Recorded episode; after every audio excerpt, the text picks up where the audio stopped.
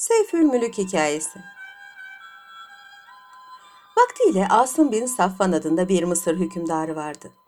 Gayet akıllı ve cömert olan Asım'ın serveti hesaba sığmayacak kadar çoktu. Hayatın bütün zevklerini bol bol tatmış ve yaşamış olan hükümdar, ihtiyarlığına rağmen hala dinç ve delikanlı gibi genç gönüllüydü. Onun en büyük derdini bir çocuk babası olamayışı teşkil ediyordu. Kendisine bir çocuk ihsan buyurması için gece gündüz Allah'a yalvarıyor, dualar ediyordu. Günlerden bir bayram günüydü. Asım büyük ve muhteşem tahtında azametle oturuyordu. Bütün vezirler, kumandanlar ve diğer devlet adamları karşısında el pençe divan duruyorlardı. Herkesin başı önüne eğilmişti. Koca salonda çıt bile yoktu. Hep hükümdarın ağzından çıkacak emri bekliyorlardı. Asım tahtında bu azametli oturuşuna rağmen o gün pek kederliydi. Kendi kendine ne kadar yazık diye söylendi. Ben öldükten sonra yerime kim oturup mal ve mülküme, saltanatıma sahip olacak? Beni hayır dua ile yad edecek bir evlada malik değilim. Şu haşmet, şu saltanat yabancı ellerde kalacak. Birkaç sene sonra adım bile anılmaz olacak.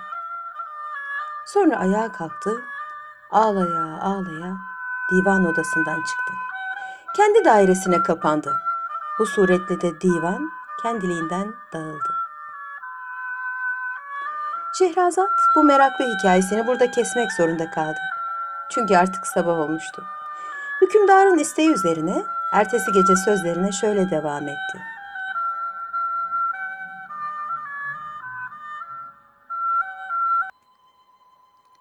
...724. Gece Hükümdarın niçin ağladığını hiç kimse bilmiyordu. Vezirlerinden birkaç tanesi bunun sebebini anlamak için hükümdara müracaata karar verdiler. Huzuruna girip etek öptükten sonra devletli hükümdarımız dediler. Allah ömrünüzü ziyade etsin. Bugün sizi müteessir gördüğümüz için pek mahzun olduk. Kerem buyurup bu kederinizin sebebini bize de bildirin. Belki bir çaresini buluruz. Meşhur kelamdır. Derdini söylemeyen dermanını bulamaz derler.'' Hükümdar vezirlerinin gösterdiği bu alakadan dolayı pek memnun oldu. Ey benim sevgili vezirlerim dedi. Şunu iyi bilin ki ağlayacak kadar müteessir olmamın sebebi ne düşman korkusudur ne de servetimin azlığı. Yaşım çok ilerledi. Artık bu dünyadan göçmek zamanım yaklaştı. Öldüğüm vakit yerime geçip beni hayırla anacak, ve ismimi yaşatacak bir çocuğum olmaması içime parça parça ediyor. Vezirler ne diyebilirlerdi? Onu kuru kuruya teselli etmekten başka ellerinden de ne gelebilirdi? Allah'ın lütuf ve kerem kapıları daima açıktır devletlum dediler. Ulu Tanrı'ya yalvarınız ve ondan ümidi kesmeyiniz. Elbette bir gün size bir çocuk ihsan buyurur. Hükümdar üzgün bir tavırla göğüs geçirdi. Gecenin sona erdiğini gören Şehrazat hikayesini burada bıraktı. Ertesi gece kocasının isteği üzerine yeniden anlatmaya başladı.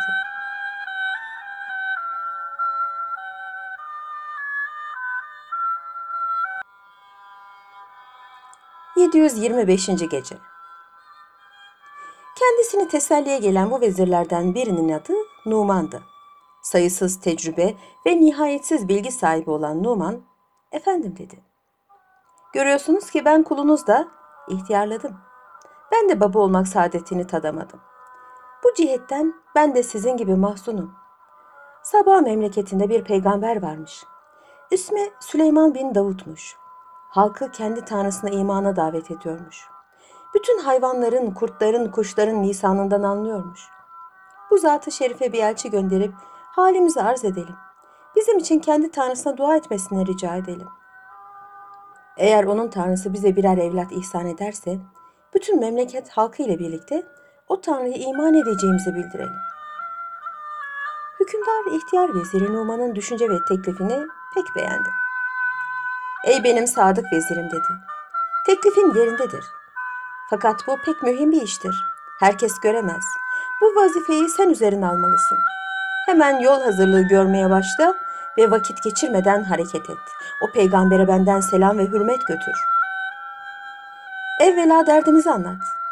Sonra de ki, hükümdarımız Asım bin Safvan, hacetimiz görülürse tebaası ile beraber sizin dininize girecek, aksi halde sizinle muharebe edecektir. Numan yer öpüp huzurundan çıktı. Süratle konağa döndü, hemen yol hazırlığı görmeye başladı ve birkaç gün sonra Hazreti Süleyman'a sunulmak üzere hükümdarın verdiği hediyelerle yola çıktı. Vezir Numan günlerce devam eden meşakkatle dolu bir yoldan sonra nihayet Seba şehrine ulaştı. Süleyman bin Davut'un huzuruna çıktı. Onun heybetini, göz kamaştırıcı debdebesini görünce ürktü, titremeye başladı. Kendi adetlerine göre yere kapanmak, bu suretle arz ihtiram etmek istedi. Fakat Süleyman onun bu hareketine mani oldu. İnsanın önünde yere kapanıp secde etmek caiz değildir. Secde ancak Ulu Tanrı'ya mahsustur. Niçin benim önümde yer öpüp secde ediyorsun? Bir daha böyle bir şey yapma. Hem kendini hem de beni günaha sokma. Bundan sonra Vezir Numan'ı kendi yanına oturttu. Hal ve hatırını sorarak gönlünü hoş etti. Sonra da hangi diyardan geldiniz? Hükümdarınızın adı nedir? Ne dindensiniz? Bizi ziyaretten maksadınız nedir diye sordu. Sabah olmuştu. Şehrazat gülümseyerek hikayesini ara verdi. Hükümdar da masalı ertesi akşam devam etmesini istedi. Şehrazat o akşam tatlı tatlı anlatmaya başladı.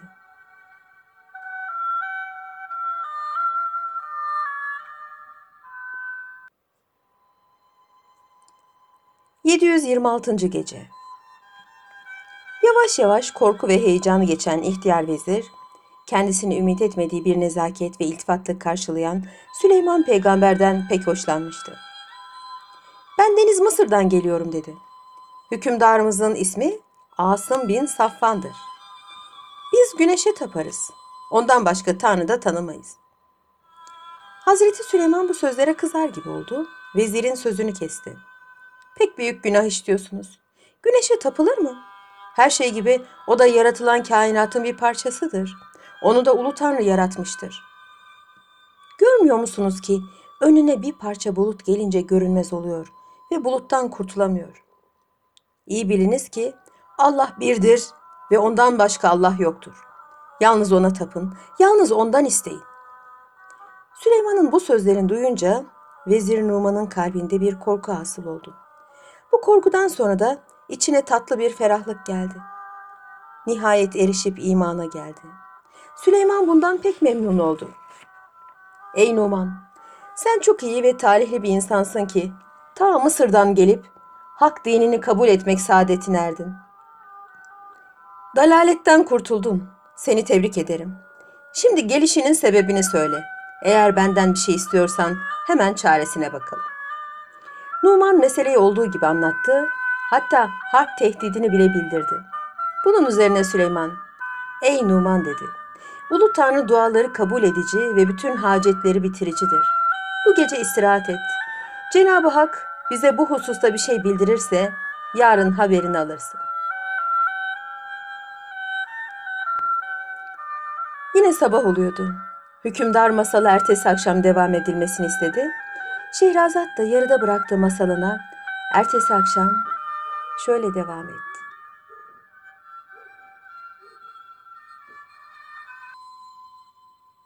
...727. Gece Vezir Numan'ı sarayın misafirhanesine götürdüler. İstirahatinin temini için lazım gelen her şeyi yaptılar. Fakat Numan katiyen rahat edemedi. Geceyi karışık düşünceler içinde bocalayarak üzüntüyle geçirdi. Sabahleyin erkenden kalkıp Hazreti Süleyman'ın yanına gitti. Onu muhteşem tahtında oturur buldu. Salon büyük bir meydan kadar genişti. Tahtın etrafını vahşi hayvanlar ve diğer mahluklar kuşatmıştı. Süleyman Vezir Numan'ı yine kendi yanına oturttu. Biraz sonra yemek sofraları kuruldu. Süleyman'la misafir için ayrı bir sofra hazırlandı. Yemekten sonra Süleyman misafirine Muhterem misafirimiz, Ulu Tanrı bize bütün ahvalinizi bildirdi. Hak dini kabul etmenizi emretti. Bütün hacetleriniz kabul olundu. Derdinizin çaresini de bildirdi. Bulunduğunuz memlekette bir sahra vardır. Orada bir nehir bulunuyor. Bu nehrin kenarındaki büyük bir ağacın etrafına bir parmaklık çevrilmiştir. ve bir şey düşünür gibi biraz durduktan sonra ilave etti. Hükümdarınız Asım bin Safvan ara sıra o sahraya gidip cirit oynar. Su kenarındaki büyük ağacın altında mahiyetiyle oturup zevk ve sefa edip içki içer. Bütün bu alemi yaratan Cenabı Hakk'ı bilmeyerek kainatın bir parçası olan güneşe tapar ve halkını da ona taptırır. Ey Numan! Tutulan bu yol doğru bir yol mudur? Bunu Allah razı olur mu? Numan bu sözleri hayret ve korku ile dinliyordu. Haklısınız efendimiz. Söyledikleriniz tamamıyla doğrudur. Gözlerinizle görmüş gibi söylüyorsunuz. Süleyman sözüne devam etti. Eğer hacetinizin reddolunmamasını isterseniz Allah'ın birliğine ve varlığına benim hak peygamberi olduğuma iman ediniz. Mısır'a döndüğünüz vakit hükümdarınla birlikte sahraya gidin. Fakat yanınızda başka birisi olmasın. Tam öğle zamanı o büyük ağaca çıkıp oturun. Hiç konuşmadan, hatta bir kelam söylemeden bekleyin. Biraz sonra ağacın altından biri insan, diğeri hayvan kafalı iki yılan çıkarak oynamaya başlayacak. Ok ile o iki yılanı öldürün. Baş ve kuyruk taraflarından birer karış kesip atın. Geri kalan kısımların evlerinize dönünce gizlice pişirip ailelerinize yedirin. Sonra Cenabı Hakk'ın ihsanını bekleyin. Şehrazat bu meraklı hikayesini burada kesmek zorunda kaldı. Çünkü artık sabah olmuştu. Hükümdarın isteği üzerine ertesi gece sözlerine şöyle devam etti.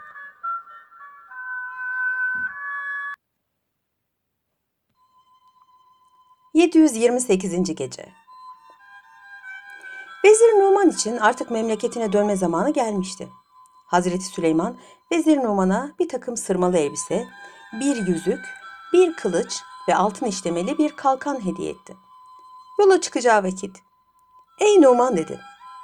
Allah'ın size ihsan buyuracağı çocuklar büyüyüp akıl bali olunca bu dört hediyemden ikisini birine, ikisini de diğerine verin. Hazreti Süleyman Numan'a ayrıca bir de atlas bir bohça verdi. Bu bohça yalnız Asım'ın oğluna mahsustur. Büyüdüğü zaman kendisi tarafından açılacaktır. Numan nihayet Seba'dan ayrıldı. Yine günlerce süren uzun bir yolculuktan sonra Mısır topraklarına girdi. Adamlarından birine gelmekte olduğunu haber vermesi için hükümdara müjdeci yolladı. Asım bin Safvan vezirinin geldiğini duyunca sevincinden çıldırır gibi oldu. Hemen istikbal hazırlığı görülmesini emreyledi. Parlak bir merasimle karşılanan Numan atından inip hükümdarın atının üzengisini öptü ve yanında yaya yürüyerek onunla beraber saraya kadar gitti. Memleket şenlik içinde yüzüyordu. Numan Hazreti Süleyman tarafından nasıl kabul ve tatif edildiğini anlattı. Hazreti Süleyman'ın büyüdükleri vakit çocuklara teslim edilmek üzere vermiş olduğu hediyeleri sundu. Atlas bohçanın katiyen açılmaması lazım geldiğini de bildirdi. Hükümdar kıymetli vezirine bir hafta izin verdi. Bir hafta sonra tekrar görüşecekler, Hazreti Süleyman'ın din değiştirmeye dair olan emri tarafında konuşacaklar, bunu karara bağlayacaklardı. Gecenin sona erdiğini gören Şehrazat, hikayesini burada bıraktı. Ertesi gece kocasının isteği üzerine yeniden anlatmaya başladı.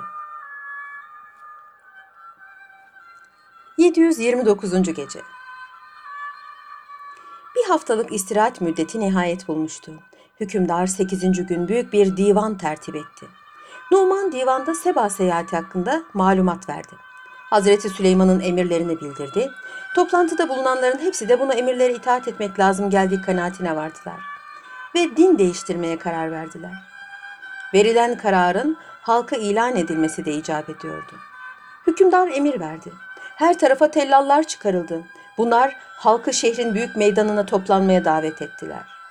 Ertesi gün genç, ihtiyar herkes şehrin büyük meydanında toplandı. Orta yere hükümdarla mahiyet için yüksek ve geniş bir taht kurulmuştu. Halk bu mühim toplantının sebebini bilmiyor, birbirinden de öğrenmeye çalışıyordu. Asım mahiyetiyle gelerek tahta çıktı. Numan içinde ayrı bir kürsü kurulmuştu. O bu kürsüye çıkarak nutuk söyleyecek, halka verilen kararı ilan edecekti. Numan hitabet kürsüsüne çıktı. Toplantının sebebini öğrenmek için sabırsızlıktan çatlayacak hale gelen halka "Ey ahali!" diye hitap etti. Malumunuz olsun ki ben Allah'ın bir olduğuna, ondan başka ibadete layık Allah olmadığına iman ettim. Sabah diyarında zuhur eden Süleyman bin Davud'un hak peygamber olduğuna inandım. Şimdiye kadar tapmış olduğumuz güneşin de Allah tarafından yaratılmış olduğunu öğrendim. Beni hidayete nail ettiğinden dolayı Cenab-ı Hakk'a şükürler olsun. Fakat ben sizlerin de delaletten kurtulup hidayete ermenizi istiyorum. Şimdiye kadar yürüdüğümüz din yolu çok yanlış bir yoldu. Bizi selamete değil felakete götürüyordu. Artık bu yolu terk edip gerçek Allah'ın emrettiği yola girmemiz ve yalnız bu yolda yürümemiz lazımdır. Aksi halde başımıza bir felaket geldiği zaman iltica edecek hiçbir kapımız olmaz. Halbuki Cenab-ı Hakk'ın rahmet kapıları ebediyen açık ve bakidir. Numan'ın kısa nutku sürekli alkışlarla karşılandı. Süleyman'ın tebliğ ettiği hak dinini kabul etmeyen hiç kimse kalmadı. Sabah olmuştu. Şehrazat gülümseyerek hikayesini ara verdi. Hükümdar da masala ertesi akşam devam etmesini istedi. Şehrazat o akşam tatlı tatlı anlatmaya devam etti.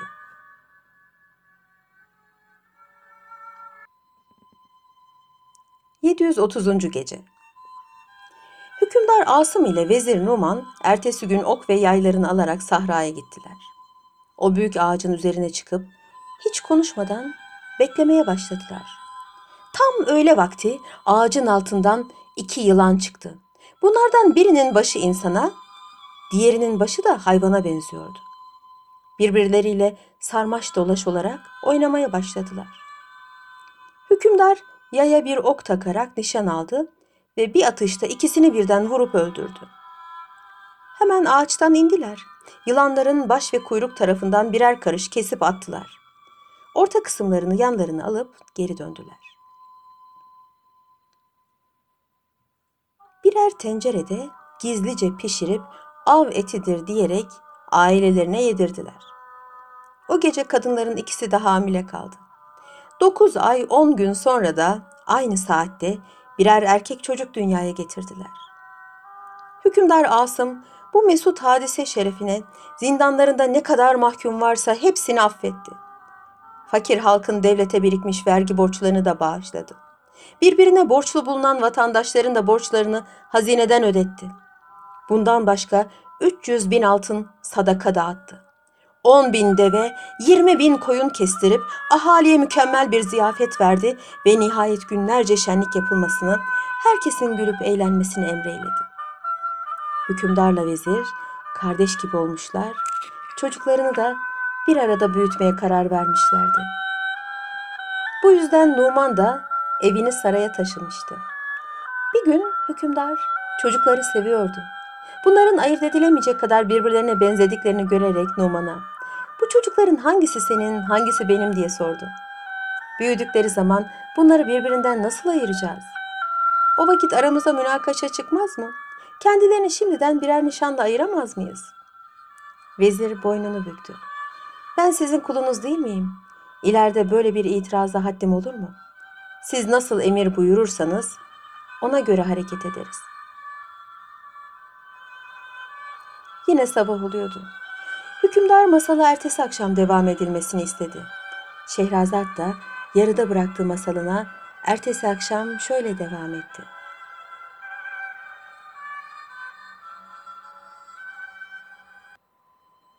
...731. Gece Aradan epey zaman geçti. Hükümdar vezirine tekrar sordu. Ey Numan, çocuklar hayli büyüdü. Fakat daha isimlerini koymadık. Artık birer isim koymamız lazım değil mi? Siz bilirsiniz devletlim. Benim çocuğun ismi Seyfül Mülük. Senin yaramazın adı da Sayit olsun. Münasip mi? Münasip efendimiz. Bir defada çocukların yıldızlarına baktıralım. Talihlerini yoklatalım. Baş üstüne efendim. Derhal müneccimleri toplatayım. Numan adamlar gönderip bütün müneccimleri saraya çağırdı. Bir hafta sonra hepsi gelmiş bulunuyordu. Bir gün içtima salonunda toplandılar. Vezir onlara niçin davet edildiklerini anlattı. Çocukların talihlerine bakmalarını söyledi. Müneccimler saatlerce uğraştılar. Nihayet şu neticeyi tespit ederek hükümdara Cenab-ı Hak ömrünüzü uzun kılsın ve şevketinizi arttırsın dediler. Tetkikatımızın neticesi şudur. Çocuklarınız delikanlılık çağına girince büyük maceralar peşinde sürüklenecekler. Gurbet diyarlarına düşecekler. Karalarda ve denizlerde ölüm tehlikeleri geçirecekler. Birbirlerinden ayrılacaklar. Fakat bin bir mihnet ve meşakkatten sonra yine buluşup birbirlerine kavuşacaklar.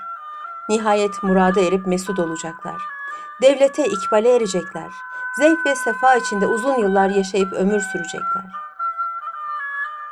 Müneccimlerin sözleri hükümdarı mahzun etti. Derin derin düşündürdü. Acaba istirahçıları doğru çıkacak mıydı? Doğru çıkarsa ne yapılabilirdi ki? Alın yazısını silmek, mukadderatı değiştirmek kabil miydi? Asım bu aczin tesiriyle teselli buldu ve içindeki hüznü arttı. Aradan seneler geçmiş, çocuklar 20'şer yaşına basarak birer delikanlı olmuşlardı. İkisi de aslan gibiydi. Bilgi ve terbiyede, iktidar ve zekada, cesaret ve bahadırlıkta eşleri yoktu. Artık sadece kendilerini değil, memleketi de idare edebilirlerdi. Şehrazat bu meraklı hikayesini burada kesmek zorunda kaldı. Çünkü artık sabah olmuştu. Hükümdarın isteği üzerine ertesi gece sözlerine şöyle devam etti.